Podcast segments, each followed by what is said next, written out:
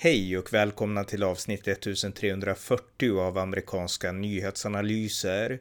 En konservativ podcast med mig, Ronny Berggren, som kan stödjas på swishnummer 070-30 28 95 0.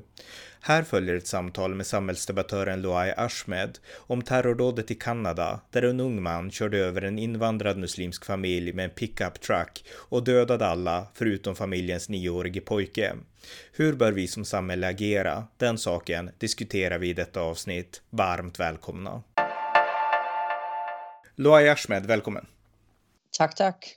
Eh, vi ska prata lite grann idag, du och jag, om det senaste som hänt i Kanada och det är så här att det har, det har begåtts ett terrordåd i Kanada och den här gången så är det en, ja, den enskilde man, en 20-årig kanadensare som har kört över en muslimsk familj, invandrare från Pakistan. Och eh, en stor tragedi därför att eh, av de fem medlemmarna i den här familjen så dog fyra och bara en nioårig pojke överlevde och vårdas nu på sjukhus. Så att en enorm tragedi.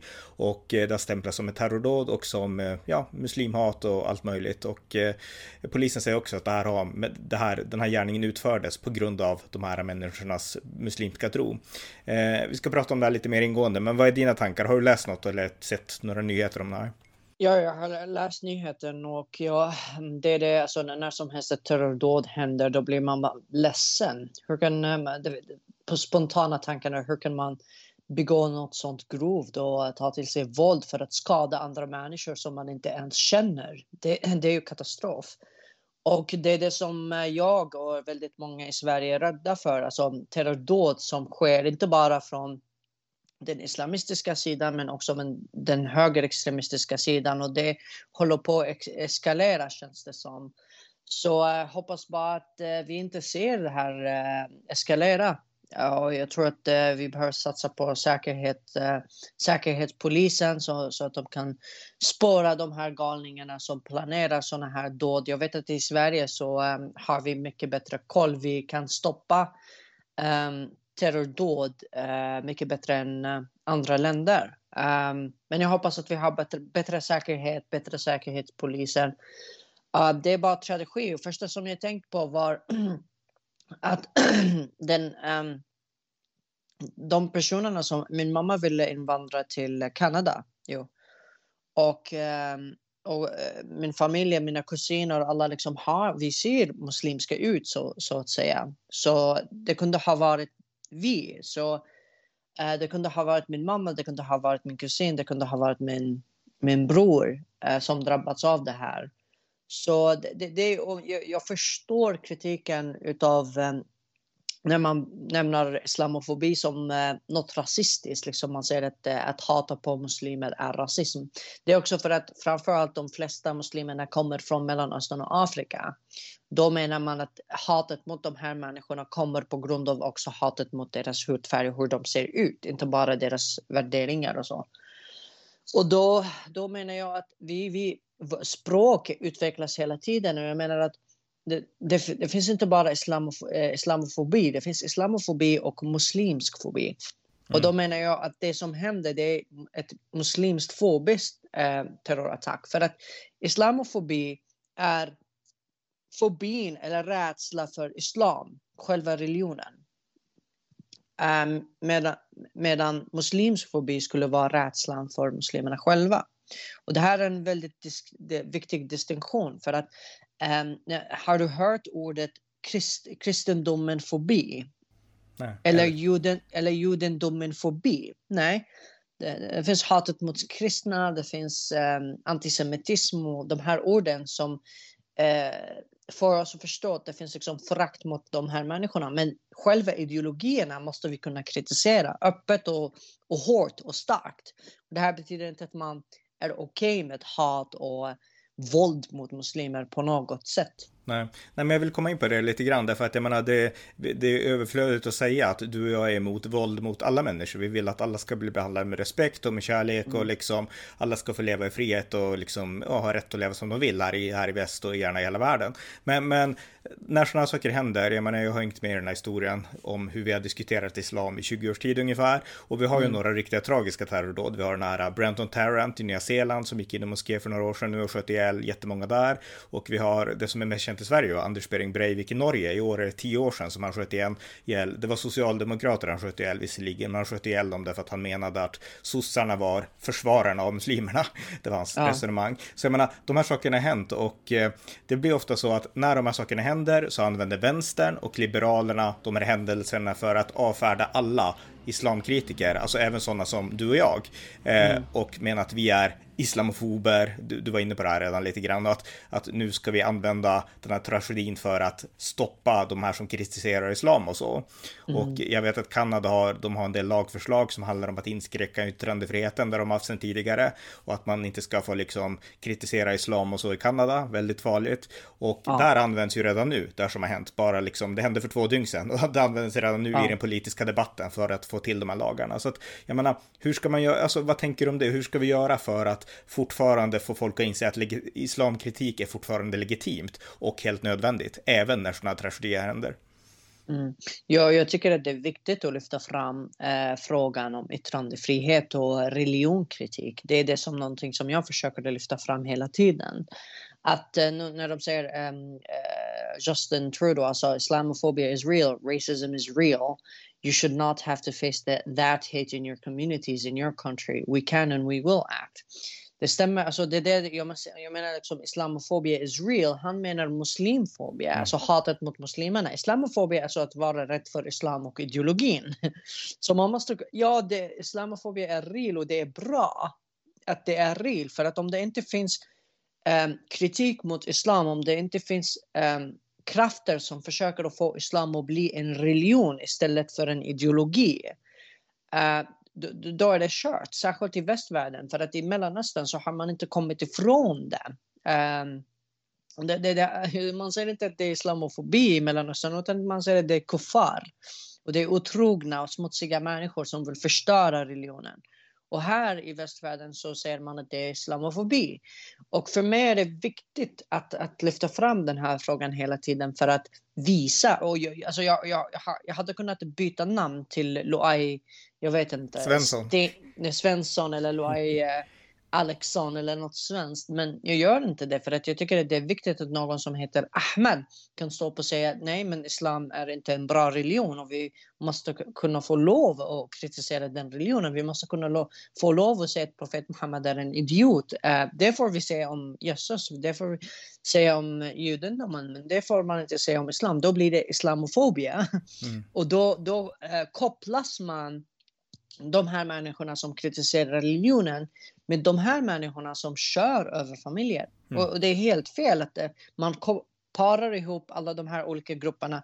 De våldsbejakande psykopater och de som bara skriver det fria ordet och försöker att skriva sanningen om, om hur den muslimska världen ser ut, hur islam utspelar sig rent juridiskt, hur de muslimska krafterna som finns i västvärlden är väldigt starka och måna om att praktisera den islam som finns i Mellanöstern som vi i västvärlden ogillar och vill inte ha här. Mm. Men, gru vi... ja, men grundproblemet i den här debatten det är väl ändå att svenskar, europeer, kanadensare, amerikaner, alltså vi som bor i väst i grundläggande icke-islamska länder, vi tror på något sätt att islamofobi är samma sak som antisemitism, alltså att man hatar muslimer som ras eller i antisemitism så judar som judar och därför är det fel. Och vi inser inte att kanske i den muslimska tron tron, för det är ändå i den muslimska tron, så finns ja. det ideologi och tankar som helt enkelt är oförenliga med väst på ett sätt som judendomen inte är. Alltså att liksom, just den här skillnaden mellan att eh, liksom kritisera islam och att liksom hata människor, det är två skilda saker. Och att den här islamkritiken behövs, därför att de som pratar om det här nu, de här politikerna som säger att vi måste, vi måste skydda oss från islamofobin och vi måste motverka islamofobin, de kan ju oftast inte så mycket om islam. Så att ja. de, de vet inte och förstår inte att inom islam så finns det element som helt enkelt måste måste konfronteras, för det går inte ihop med det västerländska. Håller du med om det? Exakt. Ja, absolut, 100 procent. Sen eh, det här med antisemitism och judendomen. Den största skillnaden där som folk inte förstår och jag tror att det får människor att tro att islam är en ras eller islam är en etnicitet är just att eh, judar är en etnisk folkgrupp Alltså det, det, finns etniska judar, det finns religiösa judar. Det finns religiösa, eh, det finns religiösa judar som inte är etniska eh, judar. Det finns etniska judar som inte är religiösa judar. Så det, det, det är judar som svenskar och sen finns det också en religion som heter typ svenskhet för, till exempel. Men inom islam så är det inte samma sak. Jag var muslim. När jag lämnade islam så är jag inte muslim längre. Det är, det är typ som att vara kommunist du tillhör den communityn, men inom islam så hjärntvättas du och kommer bli en del av den communityn. Och om du vill lämna så blir du stenad eller mördad mm. av din community. Men när man lämnar den här ideologin så slutar man vara muslim. Just det. Och det, det, kan man inte förstå. De, inte förstå. De tror att det är samma sak med judendomen. Att om en jude säger att den inte tror på Tora, den inte tror på den religiösa, de är fortfarande judar. Mm. Och, och det, det, kan inte liksom väldigt många människor i västvärlden förstå. För att de tror att muslimer är en etnisk grupp. Och jag tror det är därför får väldigt många um, svenskar typ syntax error när de ser att jag kritiserar islam som Loai Ahmed som kommer från den där, den där de, de, de, delen av uh, världen det, det, är ganska tragiskt hur mycket okunnighet och ignorans som finns i, i västvärlden. Mm. Jag... Jag, kan, jag, kan, tänka mig också ett sidospår att muslimer som är troende muslimer, de kanske blir arga när de ser någon som heter Loai Ahmed som kritiserar islam. Kanske. Absolut. Ännu värre. Jag får dödshot liksom. Jag får dödshot typ varje vecka. Mm. Men eh, det är också ett annat, ehm, ett annat sätt att se på saker och ting. Till exempel, det finns en, ehm, skribent på, vad, vad heter hon? En, eh, en skribent eh, på Svenska Dagbladet, hon började skriva nu, Elaf, Elaf Ali. Mm. Och hon skrev någonting om att hon inte känner någon eh, tacksams, tacksamhetsskuld gentemot Sverige. Och då fick hon ett dödshot av någon. Han skickade ett meddelande till henne och hon fick typ 600 kommentarer där hon stöttar henne, vi skickar kramar, det här är hemskt. Och de flesta som kommenterade var högermänniskor, Sverigedemokrater, Moderater, Kristdemokrater, till och med Alternativ för Sverige-anhängare som bara det här är hemskt, det här är skit och bla bla bla. När jag lägger upp liksom ett dödshot eh, från muslimer, från, från vänster, eller jag, jag, gör det bara för att visa att vi har också en hel del för, alltså, betydligt fler dödshot än människor som kritiserar svenskhet och svenskar. Då är det ingen vänstermänniska som skriver, eller sosse. Det är aldrig liksom någon som från vänster eller sossar eller från centern som skriver något, ja det här är hemskt. För att de vill inte liksom se, för de, eh, alltså splittringen i det svenska samhället är så stark att, och jag ser det liksom som när man är på högersidan, så då är det ingen från vänstern, från vänster som backar dig om du drabbas av något. Det är skillnad mellan äh, dödshot och dödshot alltså helt enkelt. Ja, mm. exakt. Det, det är okej när det, det, är okay när det händer er. Uh, lite så. Um, det är också samma sak med uh, Anders Lindberg. När um, Svep TV, Exakt 24, de blir censurerade, då, då är det fine, bra, vi censurerar fascister och nazister.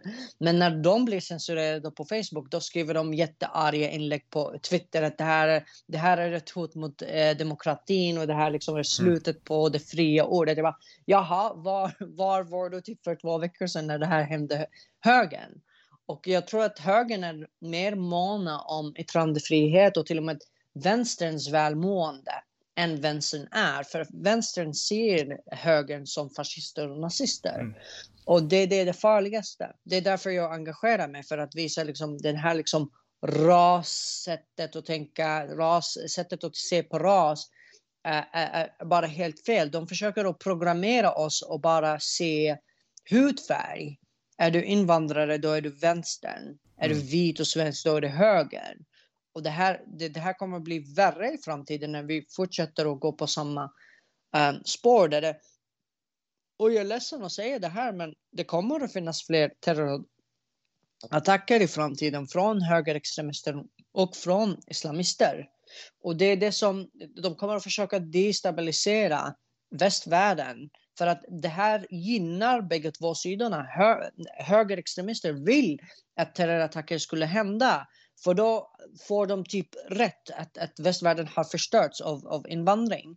Och för islamister så är det här jättebra för dem för de vill liksom skapa kaos för att de hatar eh, icke-muslimer och de vill att islam ska ta över. För dem är det ett krig och vi som är liksom i, eh, ligger emellan, vi är liksom bara mar marionetter för dem. De, de, är, de, de är extrema när varandra, de är näring till varandra liksom på båda sidor. Men jag tänkte också ja. dubbelstandarden i mainstream media och i liksom bland det politiska etablissemanget är ofta att när en ja, när det begås ett riktigt jihadistdåd, alltså när en jihadist utför ett terrordåd och man inte är helt säker, då är man ofta väldigt snabba med att vi vet inte om det var en muslim eller inte, alltså man tonar ner det muslimska väldigt mycket. Och så kan man säga att när man väl vet, ja men han var framförallt var han psykiskt sjuk, det brukar man säga liksom väldigt ofta när det är muslimska terrordåd. I det här fallet så, vi vet ju inte allt här än, eh, det, det, finns inga rapporter om vilka liksom böcker den här killen läste, eller vi vet inte exakt vad som drev honom, utan vi utgår från att polisen har sagt att det här är förmodligen ett hatbrott hatbrott mot muslimer. Eh, mm. Så att vi vet inte så mycket. men där är man snabb åt andra hållet, att det här är ett hatbrott. Det här beror på islamofobin. Alltså det är en dubbelstandard. När det islamiska terrordåd begås, då tonar man ner det muslimska och när det händer något från andra kanten, då liksom pushar man upp och det här är ett hatbrott mot muslimer. Det är ju en dubbelstandard där vi försöker hålla balansen i det här liksom.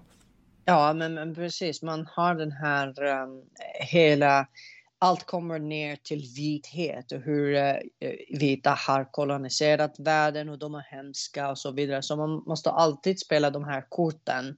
När muslimer och minoriteter drabbas, då är det värsta som hänt. När det händer vita och det händer... Alltså, det, det för, för mig den största politiska figuren i, i Sverige är Tommy Lind som, som blivit mördad och det medier uppmärksammade. Alltså de skrev, Aftonbladet skrev sex artiklar om Tommy Lind och ungefär 150 artiklar om Ebba Buschs husköp.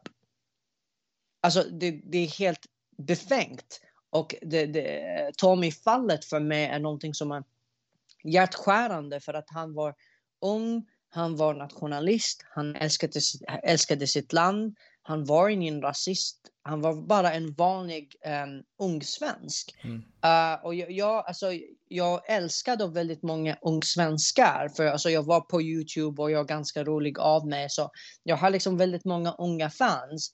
Och när jag träffar dem så känner jag att en av dem kunde ha varit Tommy Lind. Alltså bara för att de bär SD-kepsen så kan de bli mördade eller knivhuggna till döds. Mm. Och vad gör media efteråt när högern eller unga nationalister blir halshuggna. Vad händer med dem? Jo, då skriver Aftonbladet två artiklar om dem, eller tre artiklar.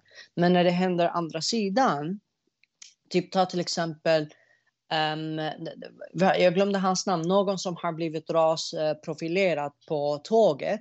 Och nu har SVT gjort en hel dokumentär om honom. Mm. Där, där han bara sitter på uh, tåget och kontrollen kommer och de bara drar honom ur. Och det är en hel dokumentär.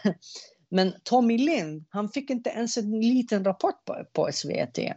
Och det, det, det, här är också någonting som radikaliserar högerextremister när de ser att medier och hur staten bara skiter i dem, skiter i vanliga svenskar som älskar sitt land och kanske skriver nationalistiska inlägg om att ja, landet var bättre innan invandring till exempel, vilket stämmer. De bara skriver facts och man ser att, eh, och när invandrare som inte har någon anknytning till Sverige, som inte har bidragit till, till eh, Sverige historiskt, eh, våra föräldrar, förfäder kommer inte härifrån, vårt språk är inte samma, vår religion, vår identitet, vår historia, allt är inte svenskt. Och då kommer den svenska staten och svenska medier och skyddar de här människorna. Mm. Det här gör att människor blir radikaliserade i Sverige, alltså unga svenskar. Och jag, jag, pratar, jag och en arg blattetalare brukar prata om det här att han och jag jobbar lite som avradikaliserare. För att vi får väldigt många meddelanden från eh, högermänniskor, hö, högersvenskar som säger att oh, jag höll på att bli nazist men sen upptäckte jag det och nu, är jag, nu, nu vet jag att det finns invandrare som är på vår sida och inte alla invandrare är korkade. Typ. Vilket är helt galet att det kommer till den här punkten.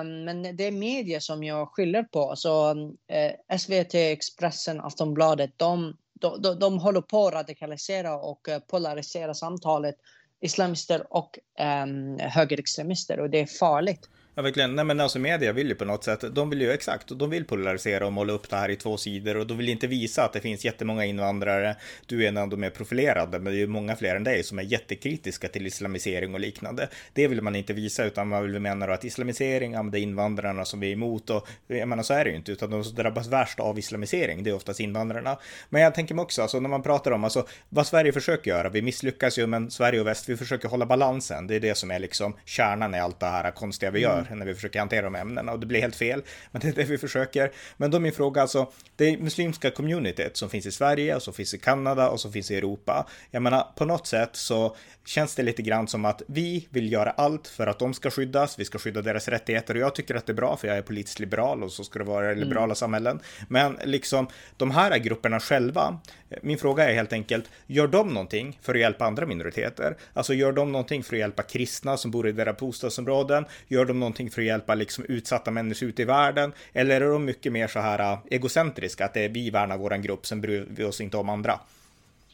Ja, men, men, men, precis. Och jag tror att det, det, värsta av allt är okunnigheten kring islam. Så man vill skydda muslimerna och det är bra att man skyddar dem. Man vill inte att det, det ska begås brott mot dem, precis som den här terrorattacken. Men man går längre steg, att man säger nej, vi får inte ens eh, inskränka deras religion eller kritisera religionen. Och det är det som är farligt för att man inte förstår vad den här religionen faktiskt betyder. Um, så det, det, det, det, fanns många tweets, uh, när, det, det här är faktiskt ett fenomen på Twitter när som helst. Uh, typ när uh, Richard Jomshof sa um, att islam är en avskyvärd religion då var det många på Twitter, liberala kvinnor och vänsterliberala kvinnor som skriver typ ah, nu, nu kommer jag konvertera till islam bara för att trigga och provocera muslimer. Och det är liksom det är så, så pass mycket okunnighet hos de här människorna. De förstår inte att för oss som, precis som du sa, det är muslimer som drabbas av islam. Det är inte andra. De flesta offren för islam är just muslimer. Och jag var också ett offer, en offer eh, för islam, alltså som homosexuell, som fritänkande, som vill kritisera min egen religion. Jag, ble, jag, alltså, jag kunde inte göra det för att hela familjen, släkten, imamer, moskén, staten, lagstiftningen står emot mig. Uh, jag vet inte om, för du och jag har snackat lite grann, men jag vet inte om jag berättade för dig att jag hade en kompis som heter Ahmed Al-Akhali som skrev uh, kritiskt om islam på Facebook i Yemen och han blev dödad. Han bara skrev uh, profet, um, jag ser Gud i blommor. Ert sätt att se Gud bara genom Koran är väldigt trångsynt. Det, han bara skrev poetiskt så, sådär. Och han blev ihjälskjuten nästa vecka. Och för, för de, som sagt, de största offren för islam är muslimer som vill liksom bryta ihop eller vill vara liberaler eller vill ta av sig slöjan eller vill Eh, vara sig själva, det vill säga homosexuella, bisexuella, vad det nu kan vara. Så vi är de största offren. Det är kvinnorna som lever under hedersförtryck. Det är lagstiftningen som ser till att vi inte får avnjuta våra rättigheter. Och det är det, att man, man fattar inte att liksom, om man... För jag tror också ett annat problem är att det finns många islamförespråkare som sticker ut och säger nej, om ni kritiserar islam, då är ni rasister. Och folk köper det här. Svenskar bara, ja okej, okay, det maker sense för att vi vita, vi är rasister och vi inte förstår det. Um, det finns väldigt många böcker också som handlar om att vita kommer att aldrig fatta, till typ white fragility. Att vita kommer att aldrig fatta att de är rasister och det är en del av problemet. Ja. Men om jag får backa lite grann, för det här var intressant när du berättade. Nej, jag visste inte det om din vän där som vart mördad fruktansvärt och nej, det hade jag inte hört förut. Men det visar att du har verkligen sett islam från insidan i, i deras hemländer. Men det undrar nu, för det frågan jag ställde, det var liksom om de här communityna är toleranta. Och då är frågan, för vi fattar ju i Sverige att de är galna i Jemen, de är galna i Saudiarabien, det fattar vi, så mycket fattar vi. Men vi tror på något sätt att de som kommer hit, det muslimska communityt här i väst, de är som oss, de är liberala, för det är därför de har kommit hit och de, de är liksom, de värnar kristna, de värnar liksom ateisters rätt att vara ateister, de värnar homosexuellas rätt att vara homosexuella. Vi tror på något sätt, vi fattar ju såklart att i Mellanöstern är det inte så, det förstår vi. Men liksom, mm. vi tror på något sätt, eller vi tar för givet att de som bor här, de, mm. de, de är toleranta och så. Och då är min fråga till dig, vad är din erfarenhet av det? Ja, jag, jag skulle säga att det, det, finns undersökningar som uh, försöker att um, decifiera detta. Så till exempel, eh, men inte i Sverige, för att Sverige, all forskning kring religion och etnicitet, det, här kommer att komma om 5, 6, 8 år eller tio år. I Sverige är vi fortfarande inte mogna för den här diskussionen. Men i Danmark till exempel så eh, visar det eh, visar sig att 76 procent av muslimer där vill ha förbud på islamkritik. I Storbritannien så är det mellan 50 och 60 procent. Och jag skulle säga att det här är en... Eh, ibland känns det som att det finns två sidor till det här. Så man kan säga att vi, vi vet inte exakt hur det, det, blir för att till exempel om man ser på Pew Research så är det typ 93 procent av palestinier som vill ha sharia-lagstiftningen i landet som de bor i. Och vi vet inte hur just hos palestinier som har kommit till Sverige, hur, hur, hur det har blivit, eller Danmark, hur det har blivit. Är de fortfarande 90, 93 procent? Är det, är det värre? Är det typ 95 procent? Har det blivit är det 60 procent? Uh, och sen har du också um, albanier, till exempel, albaner som kommer, eh, muslimer, muslimska albaner, och där är det Eh, i Albanien är det bara 13 procent av muslimerna där som vill ha sharia-lagstiftningen. Så när de kommer till Danmark också så minskar den siffran. Så det som, som man skulle kunna spekulera är det som händer i Europa så har du de muslimerna som kommer från Europa som är väldigt sekulära, liberala, vill inte ha sharia-lagstiftningen. Sen har du också tagit emot de som kommer från Palestina och Syrien som eh, till eh, jättestor utsträckning vill ha sharia-lagstiftningen. Så den har balanserats på något sätt.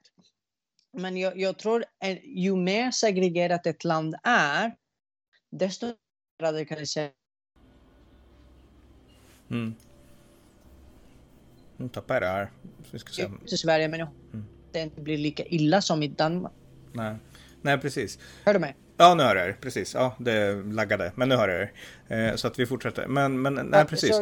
Men, men har du, alltså om vi tar dina, absolut, det där är statistik som man kan resonera lite kring och så. Men egna erfarenheter, alltså när du träffar vanliga troende muslimer i Sverige, för du känner jättemånga antar jag har träffat på flyktingförläggningar och så liksom är det här människor som, de som kommer hit till Sverige, muslimer som kommer hit, alltså den svenska uppfattningen bland liberaler och socialister, det är att de kommer hit för att de vill ha religionsfrihet. De vill ha det svenska, som du, de kom hit av samma anledningar som dig. Ja. De vill ha ett fritt samhälle. Är det uppfattningen? Är det uppfattningen att de har kommit av andra anledningar? Att de egentligen bara vill leva på våra bidrag och utbreda islam och sen se Sverige liksom omdanas till ett islamiskt samhälle? Alltså av de du träffar, det här är ju inte en objektiv liksom, utan bara äh, dina mitt, subjektiva. Mitt, mm mitt objektiva perspektiv skulle jag säga, för jag var i två flyktingförläggningar i, i, eh, i Halmstad och där träffade jag hundratals människor. Men innan jag, och jag är supersocial, alltså jag pratar med alla, jag kan engelska, jag kan arabiska, jag är väldigt social av mig och folk, folk känner sig bekväma med mig för att jag är väldigt trevlig och jag ler mycket och är väldigt öppen och så. Um, och sen innan jag flyttats till flyktingförläggningen så var jag faktiskt, de flyttade oss från typ Gävle till Sundsvall, till väldigt många olika ställen där de försöker att uh, uh, placera oss någon, någonstans. Sen hamnade jag i Halmstad. Men genom den där resan, det var typ en månad där de bara flyttade runt mig överallt i Sverige. Då, jag träffade hundratals människor. Och jag skulle säga att um, när jag var väl i Hamstad och då jag bara okej okay, nu, nu kommer jag bo här i Hamstad. Då jobbade jag lite som volontär äh, tolk där jag översätter saker från arabiska till engelska, ara, engelska till arabiska. Och jag lovar dig att majoriteten av dem är exakt som de var i, i Mellanöstern. Jag, hört, jag hörde snack om, och jag skrev mycket om det här i min bok också, att jag hörde mycket snack om, Eh, jag, jag sitter till exempel i ett rum där vi fikar och vi är typ 12 personer i vardagsrummet på flyktingförläggningen. Och då börjar de snacka om en pappa som har fem barn och han, han var otroligt snäll. Då säger han typ um, Uh, vi, vet ni vad? Ni vet hur enligt islam så är alla, alla, allt är planerat. Det finns ingenting i världen som Allah inte har planerat. Och eh, det här, de här krigen som finns i Mellanöstern, anledningen till att de händer, Det är för att Allah vill att Europa ska också bli muslimsk. Och det vår, jag tror att det är det som det handlar om, att han, Allah vill att vi ska komma hit och föda mycket barn. Så att med demografisk förändring, för vi vet att äh, vita kommer att dö ut enligt statistiken, så vi kommer att ta över och islam kommer att ta över här för att vi misslyckades i, i Spanien. Och jag bara, och alla som satt där höll med. Mm. Och för mig, jag, det där var en av de första stunderna där jag blev helt chockad att se liksom, det här samtalet uh, utspela sig. För ingen stod emot det. Alla bara ja, ja, absolut, kom igen, alla fattar det här, behöver du ens nämna den? Och sen då började jag fatta att jag måste liksom Nej, nej, nej, nej. Jag, jag måste vara lite mer uh, vaksam om vad jag säger och vad jag gör. Jag får inte säga till någon att jag är bög. Och då, det, det, det var lite, lite som när jag var tillbaka i Mellanöstern, fast värre. För att där fanns det liksom en tydlig plan som var skrämmande för mig. Eh, sen när Ramadan kom, då märkte alla att jag åt eh, under Ramadan. Och då skulle i princip alla komma fram till mig och fråga och försöka läxa upp mig. Men kan inte du din egen religion? Vet du inte om enligt hadith al-Bukhari, al-Khazabani, du kommer att hamna i helvete i tusentals år för att du äter fast du inte är sjuk. Och alla började komma fram och sedan dess så började alla på flyktingförläggningen se ner på mig som att jag var smutsig. Ingen ville liksom prata med mig och sen, Och för mig, I'm like fine. Alltså, jag, whatever. Um... Men då, då har jag en fråga som jag måste skjuta in här då. Det här var en flyktingförläggning i Sverige och jag menar, det här är värderingar som inte går hem i Sverige. Vi tror inte att man hamnar i helvetet för att man liksom inte äter på någon viss månad. Det är ingen som tror så i Sverige liksom. Nej. Så att jag menar, min fråga är då, vad gjorde flyktingförläggningen eller Migrationsverket för att få de här att inse att så här kan man inte tänka i Sverige? Ingenting. Alltså det, det, det fanns ingen koppling mellan flyktingförläggningen och verkligheten. Vi hade typ en manager som skulle se till att elen funkar, att det finns mat, att det finns att saker rullar på, att när, när som helst det finns bråk, för det fanns mycket bråk. Att polisen skulle komma fort, att man måste se till att ambulansen kommer om någonting händer. Det, det var typ det som var vår koppling till um, den svenska staten eller det svenska samhället. Var den här managern som skulle bara se till att polisen kommer när folk bråkar. Det var bara det. Och sen lämnade jag, alltså jag lämnade flyktingförläggningen efter ett år. Och då började jag lära mig svenska och typ integrera mig. Och ju mer svenska jag lärde mig, desto mer förbannad blev jag på Sverige att de inte fattar någonting av det. Ingen vet vad den muslimska kulturen faktiskt innebär. Ingen vet att till och med idag när eh, folk läser eh, eller hör att jag säger att eh, i Yemen är det dödsstraff för homosexualitet och därför kommer jag till Sverige.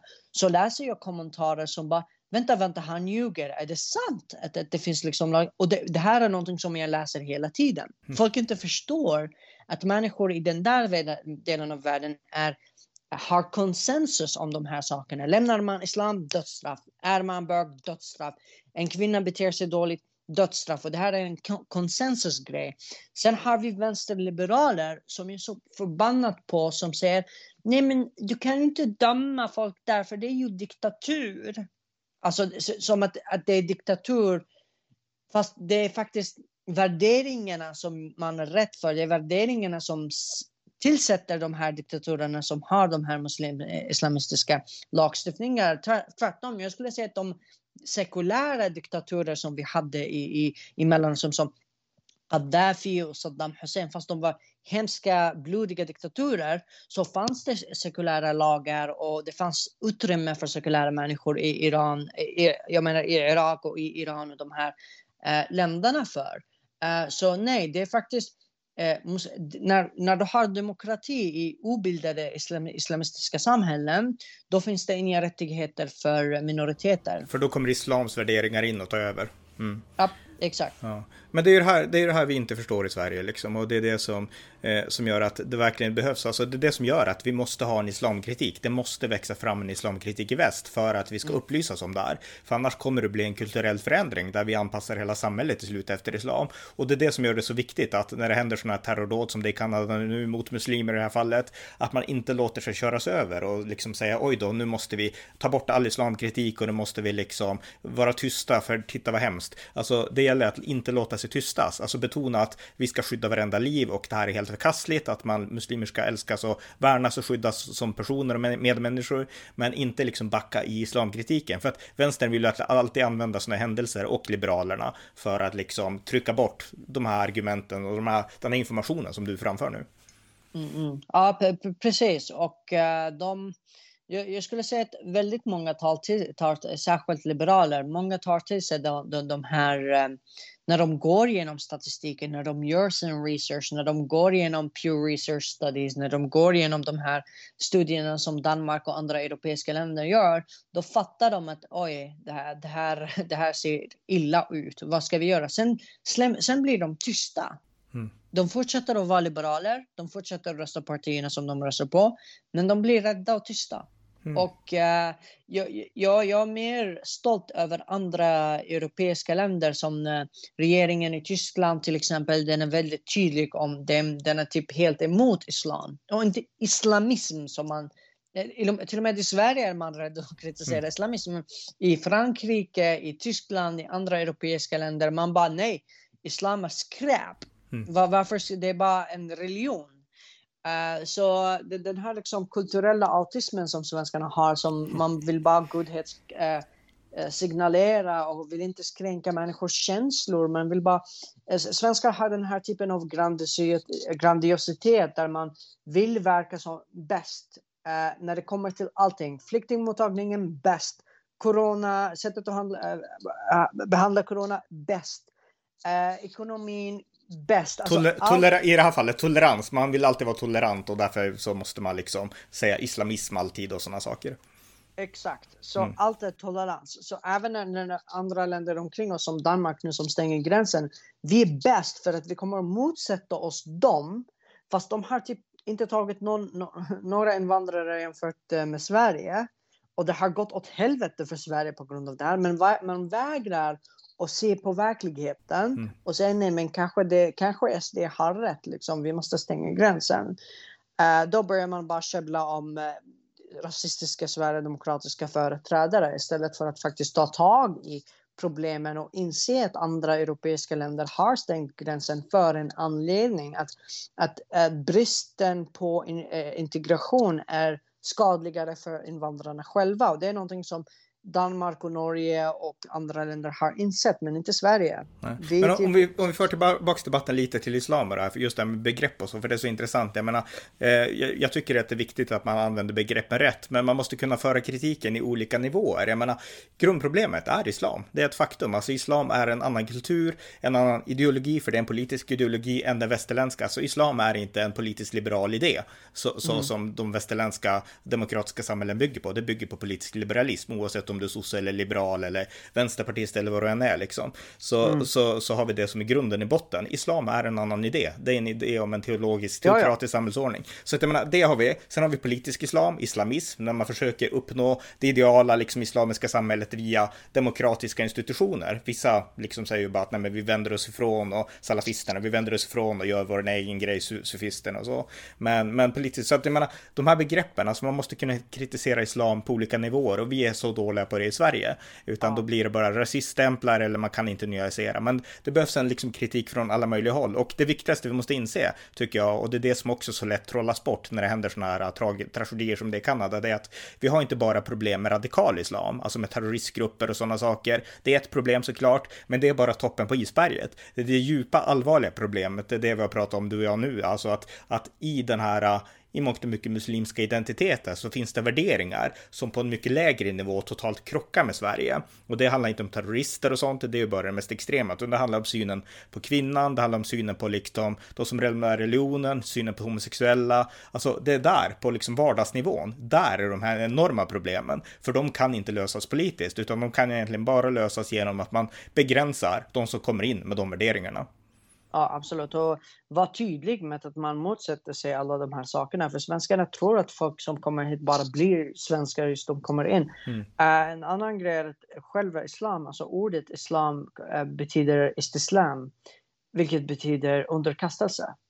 Det vill säga att det, det, handlar inte bara om att du ska följa en religion eller att du ska tro på någonting, utan att du måste underkasta dig Allah.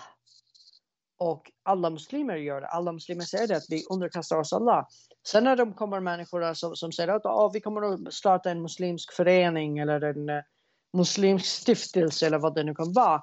Så måste de underkasta sig de, alltså de som brukar söka sig till de här sakerna, de vill starta muslimska föreningar, de är de islamisterna. Det är de som vill ist-islam, alltså för det finns islam och sen islamism.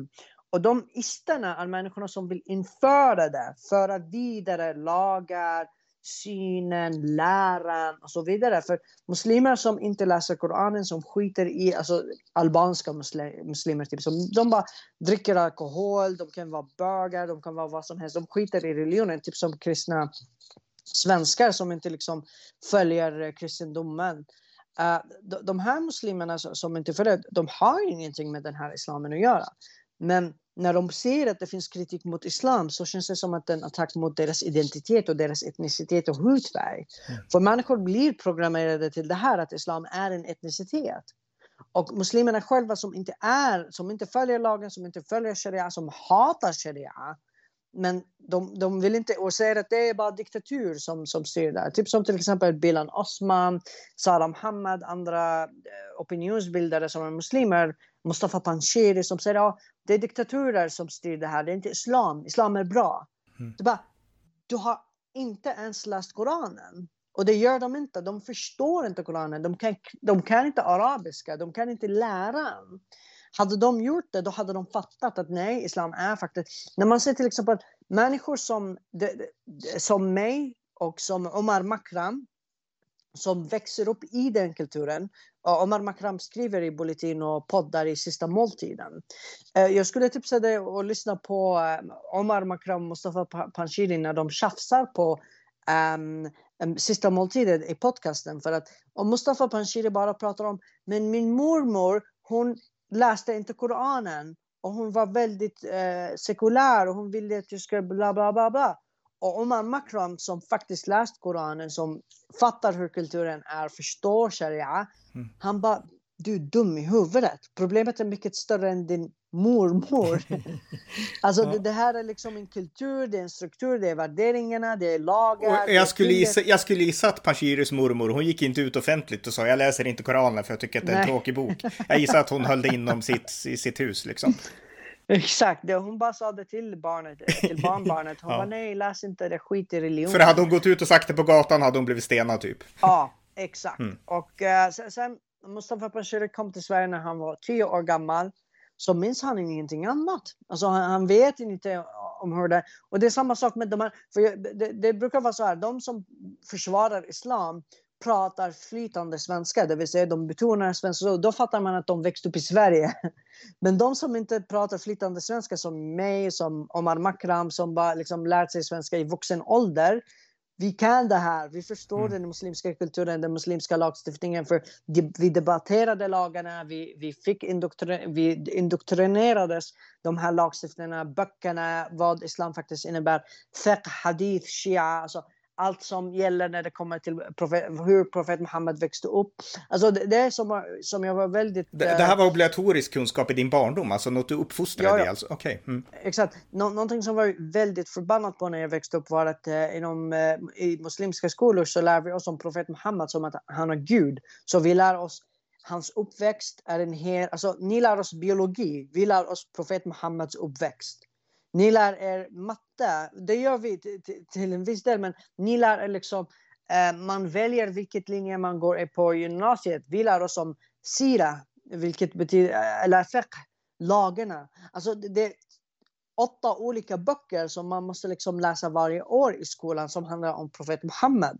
Och det är inte som att liksom metaforiskt och du ska bara um, inspireras av den här filosofen. Nej, nej, nej, nej. Det här är liksom någonting som du måste följa. Det här är livets regler. Men i sådana fall, jag vill skjuta in en sak till där, för det är ju så intressant att prata med en sån som dig som har de här erfarenheterna. Du förstår Sverige, du förstår arabvärlden, du förstår, alltså det, det är skitbra, verkligen. Jag är en fan av dig, verkligen, av den anledningen. Men alltså, ett, ett sånt samhälle där man lär sig sånt, alltså det, det, det är det här du som barn och som elev ska lära dig i skolan, Muhammeds liv och Koranen och så. Jag menar, det måste ju frånta ganska mycket av det här, den intellektuella, alltså nyfiken, alltså människor som växer upp så, de kan ju inte vara smarta, alltså nu vill jag inte vara fördomsfull, men liksom, jag menar, de, de, de kan inte inte naturvetenskap, de kan inte matte säger du, de kan inte liksom filosofi, de kan inte reflektera, kritisera. Jag menar, det måste ju fördumma samhället och ha det så här. Ja, ja, men man fördummar samhället, exakt. Jag, jag, jag brukar skriva att ja, islam död eller den muslimska kulturen i de muslimska länden, länderna, de dödar människors hjärnceller. Eh, de, de får människor att sluta tänka kritiskt. Hjärnan utvecklas inte på sättet som de gör i Japan eller i Sverige och andra europeiska länder. Det är därför liksom Europa har kommit ifrån den, eh, det religiösa tänket och man kan liksom ge bögar rättigheter, se kvinnor som jämställda, se andra etniciteter och tänka att de här människorna är lika mycket värda. Men hos oss, för att våra hjärnor är så begränsade i sättet vi, är, vi tillåts att tänka, så blir vi begränsade och vi kan inte tänka typ utanför boxen. Mm. Och uh, när, när, man kommer hit till Sverige så hamnar man fortfarande i den, den här boxen för uh, ens föräldrar har växt upp i det här. Och man kommer i en krock mina, för, mina rötter, mina för, föräldrar, vi är på ett äh, sätt och sen har du svenskarna som är på ett helt annat sätt. Och då får man det här liksom identitetskomplexen. Man vet inte var man ska hamna, man känner sig inte svensk, man känner sig inte liksom irakier eller arab eller jemenit. Och det, det, här är liksom ett jättestort problem för att liksom det här är inte bara en invandring från Danmark till Sverige där man bara byter språket lite, det finns små skillnader mellan kulturerna, Uh, olika typer av bröd som man äter, olika typer av typ kanelbullar eller vad, vad det kan vara, fika, olika små skillnader. Nej, man tar emot folk som kommer från en helt annan kultur, helt annat identitet, helt annat sätt att tänka på saker och ting, helt annat sätt att lära barn, helt annat sätt. Allting är, annat och allt annat är liksom kommer från medeltiden. Så människorna som kommer från utomeuropeiska länder kommer att hamna, särskilt muslimska länder, hamnar i en tio gånger värre identitetskris än människor som typ kommer från um, Danmark eller. Tyskland. Mm. Och jag skulle säga till och med invandrare som kommer från um, som kommer ifrån, som kommer med sina tyska föräldrar eller uh, danska föräldrar eller italienska föräldrar. De har identitetskris också. De säger jag känner mig inte italienare, jag känner mig inte svensk, jag bara, allt är bara kaos. Så du kan bara tänka dig någon som kommer från Somalia där liksom identi grundidentiteten är islamism som typ slaktar bögar och kvinnor. Mm. Identiteten är liksom världens mest vänsterextrema liberala identiteten. Så det blir bara en krock och eh, det är svårt att komma ifrån den. Men tar de med fördumningen till Sverige? Det är det jag undrar. Liksom. Jag menar om vi skulle ta liksom, ett förortsområde med många eh, invandrare med muslimsk bakgrund. Jag menar det här tänkandet, det finns kvar här då. Så det, det, måste vara svårare för dem i skolan och då inte för att de inte får hjälp eller för att lärarna är dåliga utan för att de är så liksom, indoktrinerade att bara tänka liksom, låst och inte liksom fritt. Ja, exakt, exakt. Jag skulle säga att det har också med eh, så invandrare som kommer typ från Syrien och du ser att de lyckas, de lär sig svenska. Mm. De uh, utbildar sig och bara okej, okay, det här är typ sällsynt. Det är på grund av deras föräldrar. Deras föräldrar är typ som min mamma och min pappa som har hållit sig ifrån den muslimska kulturen. Som bara, det här är, det här är skit. Det här, och det är också iranier som kom till Sverige på 70-talet och 80-talet. De presterar sig typ mycket bättre än svenskarna själva. Det är för att de har hållit sig ifrån den kulturen. Och sen kommit till världens bästa och mest generösa välfärdsstat världens mest framgångsrika land och de kunde liksom assimileras in och bli framgångsrika. Så det handlar mycket om föräldrarna. Om föräldrarna har en utbildningskultur, de håller sig ifrån religion, de bara tänker på nu ska vi satsa på vårt nya liv, lära oss språket, utbilda oss, bli jurist, bli läkare mm. då lyckas man. Men när man kommer från typ Somalia eller Yemen och för, ens föräldrar har inte utbildningskultur, har liksom ett väldigt muslimskt sätt att se på saker och ting, man lärt sig religion hela livet. Sen kommer man hit och man vill förhålla sig till den här religionen och den här kulturen. Så det är helt rätt. Att, och det, det är också att massinvandring, eller invandringen som kom från Iran, var de välutbildade icke-muslimska um, uh, muslimer. Mustafa Panshiri, Hanif Bali, Navid Modiri. Och de kunde assimileras in, de är sekulära idag. De, ja, till och med Mustafa Panshiri som är muslim, han är inte riktigt muslim. Han bara säger jag är muslim, men han är inte muslim. Uh, men de som kommer från Somalia, massinvandringen som har skett från, uh, från Somalia. Ja, men jag måste ställa en uh, fråga till om Pashir här, därför att han är en person som många känner till och många i Sverige tycker att ja, men, där har vi en fin muslim som kan ge en rätt bild av islam. Jag menar, om han skulle åka till Saudiarabien, om han skulle åka till Jemen, ditt gamla hemland, ingen där skulle betrakta honom som en riktig muslim, eller? han skulle bli halshuggen för typ hälften av sakerna som han säger på... Um, till, till, alltså, han, alltså, han skämtar, han han är ju svensk. Han, han säger saker som kan betraktas extrema i, i, i muslimska världen. Uh, att, att driva om Gud, att snacka om Gud på ett... Uh, det finns journalister och politiker som blir mördade i Mellanöstern för att de skämtar om Gud. Och det här är någonting som man inte fattar här i mm. västvärlden. Så han är svensk, för han vill bara leka med liksom attributen, vara speciell, ja, jag är muslim och liksom svensk liksom. Ja, exakt. Så, som, jag, jag känner en tjej som, som är halvsvensk, halv rom. Och när som helst hon hamnar i diskussioner då, alltså, hon, hon säger att hon är svensk när det passar och hon säger att hon är rom när det passar. Så, och, och, då är det liksom, hon är framgångsrik på det sättet att hon kan passa in det svenska narrativet. Nej, men jag som svensk, bla bla bla, bla. men jag som rom och minoritet, så bla bla bla. Ja. Och han gör exakt samma sak. Mm. um, fast jag skulle säga att, att han, han är totalt svensk. Men när det kommer till islam och invandringsfrågan så har han liksom det muslimska komplexet mm. som begränsar han. Och sen, sen han, alltså Mustafa Panshiri hade velat ha sekulär lagstiftning i, i Sverige men han vet inte att, att, att um, han, brukar, han pratade med Rickard uh, Jomshof uh, i podcasten efter vår debatt på SVT och då sa han men varför lyfter man uh, lyfter man fram muslim, eh, folk som Loai som är väldigt emot islam och man inte lyfter fram de progressiva muslimer. Och, mm. och svaret på det är att, att, att de progressiva muslimer, de är inte så många. Alltså jämfört med islamisterna. Alltså en fråga som jag ställer hela tiden är vart är revolutionen emot islamism? Det är tvärtom. När, när eh, någon ritar en karikatyr på profet Muhammed, då går det miljoner människor på gatorna och halshugger liksom ambassadörer, de förstör saker, ni får inte kränka vår religion. Men när Isis tar islam och säger det här är islam och halshugger människor, dödar folk, sätter skräck i hela världen. Var är revolutionen? Såg du miljoner muslimer som går på gatan och säger fuck you Isis? Nej, det var typ bara tiotals demonstranter framför några eh, ambassader. men, men, det, men det här det för mig över till en, en, sak, vi ska börja avrunda, men, men en sak som jag tycker, för det, liksom, det var så här jag kom in i det här ämnet. Jag har berättat förut, men jag kan berätta igen. Det var att jag var i moskén i Örebro 2007 och det var en väldigt radikal salafi bönelokal var det då, men det blev en moské sen i alla fall. Och eh, då var det så att då pratade jag med ett gäng muslimer där och eh, de berättade för mig att de, jag frågade dem liksom hur de såg på saker som sharia och stening av äktenskapsbrytare och liknande och även hur de såg på Usama bin Laden, alltså terroristen bakom 9-11-attacken och allt det här.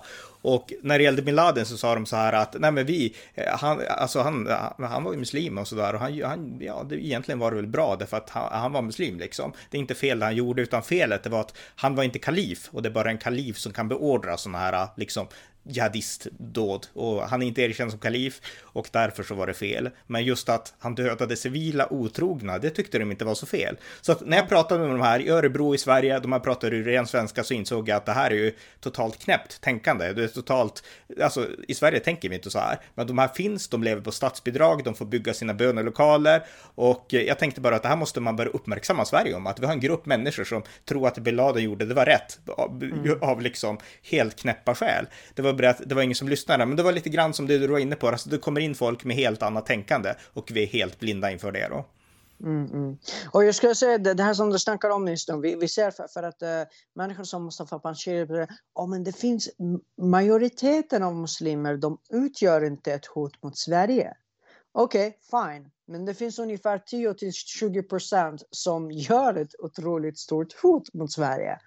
Och de måste, måste vi göra någonting åt, men de vill ni inte prata om. Om det är 10-20% av muslimer som, utgör, som är islamister, som, har, som typ dyrkar Osama bin Laden, som ser ner på västvärlden och så, då är det 200 000 människor i Sverige som har det sättet att tänka. 200 000! Hur många människor röstar på NMR? Typ 2500 eller något sånt. Ja. Ja, men det... man, man, vill prata om högerextremism och NMR och nazism när islamism är typ 100 gånger större. Ja, plus. Och det Panshiri missar också, att det är inte bara de här, de här 20 procenten, utan alla andra som här också, de utövar den här kulturella förändringen, den här småskaliga, försiktiga kulturella förändringen. Det kan börja ja. med att ja, men vi vill att bara kvinnor ska bada i badhuset, sen så kan man ta steg efter steg. Alltså i det lilla som ett svenskt tycker kanske, ja men okej, det, det är lugnt liksom. Och sen de blir det steg... Öppnar dörren. Mm. De öppnar dörren för islamisterna. Ja, den mjuka islamiseringen. Ja, exakt. Mm. Jag, tänkte, ja, eh, jag tänkte vi skulle börja avrunda, men en sak till som jag läste, det här var intressant och jag skulle behöva ha din kommentar på det. Richard Sörman heter han, han skriver för det goda samhället och han skrev en jätteintressant text. Han, han bor i Uppsala och han skrev en intressant text om att han var ute och övningskörde tillsammans med en bekant och så kom de till en badstrand i Uppsala bara för några, ja, några dagar sedan tror jag. Och eh, där skrev han att där var ungefär 60 personer, alla var araber och vi var helt, vart helt chockade för det här var en vanlig badstrand i Uppsala där folk brukar kunna ligga och bada topless och sånt. Nu var det bara araber där, muslimer antar jag, som, som var där och de spelade skränig musik och vi kände oss som flyktingar i vårt eget land, skrev han. Eh, och sen mm. så liksom, ja, och han tyckte att det där kändes obekvämt ungefär. Och eh, jag diskuterade med honom och sådär och sen så fick han mycket kritik när han skrev den här artikeln att ja men vadå, de får väl spela musik bäst de vill och du vet sådana här saker. Men just den här tanken liksom att den här islamiseringen sker på våra gator och torg och i det här fallet på våra badstränder eh, och att vi känner oss som flyktingar i vårt eget land. Och han menade att det här måste vi få tänka att känna därför att okej, okay, de kanske inte har brutit någon lag. Det finns inget som förhindrar araber från att gå och bada eller från att spela sin musik högt och så, men det är fortfarande, vi känner oss inte som svenskar i vårt eget land. Vad tänker du om det liksom?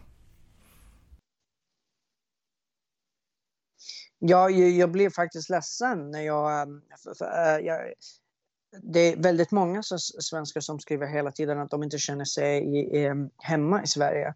Och jag, ehm, när jag går till på tåget eller i bussen eller kollektivt, jag gör det hela tiden. Eh, och man ser knappt några svenskar. Eh, i Stockholm. Eh, det är typ bara en svensk. Och det är också att, att man egentligen, man vill inte, som jag sa innan, att man, vill, man programmer, pro, programmeras och se hudfärg och människors etnicitet under det politiska samtalet och politiska klimatet som man har i Sverige idag. Men att flytta, alltså att, att, att, att, att äh, svenskar blir minoritet i sitt eget land, i många delar av landet och i framtiden kan det vara hela, hela Sverige, är väldigt orättvist för svenskarna har inte skrivit på det här, de har inte gått med på den. Och äh, jag, jag, tror att det, det är någonting som är relaterat också till det här som vi snackar om med terrordåd. Det som man är rädd för för jag tror inte att svenskarna, högerextremistiska svenskar, eh, kommer att, eller vi har väldigt grova högerextremister här, men jag vet inte om de skulle begå alltså, sådana där terrordåd. Men i, i hela Europa så kan det bli så att vi bor i krigsdrabbade västerländska länder där det är mycket terrordåd från högerextremister och, eh, och vänsterextremister och islamister. Och det är på grund av den här otroligt snabba um, demografiska förändringen som är svenskfientlig, som är invandrarfientlig för att invandrare som inte assimileras i det nya landet som de kommer till kommer aldrig må bra. För, att, för många anledningar, men den första anledningen är för att det har tagit svenskar typ tiotusentals år för att evolveras och assimileras och assimileras i, i, i, i det här klimatet, i, den här, i det här livsstilen. Svenskarna har varit tvungna att bli på ett sätt och prata på ett sätt och kommunicera på, kommunicera på ett homogent sätt så att man fattar att det är så vi kommer att kunna överle överleva den här, eh, det här kalla, kalla klimatet.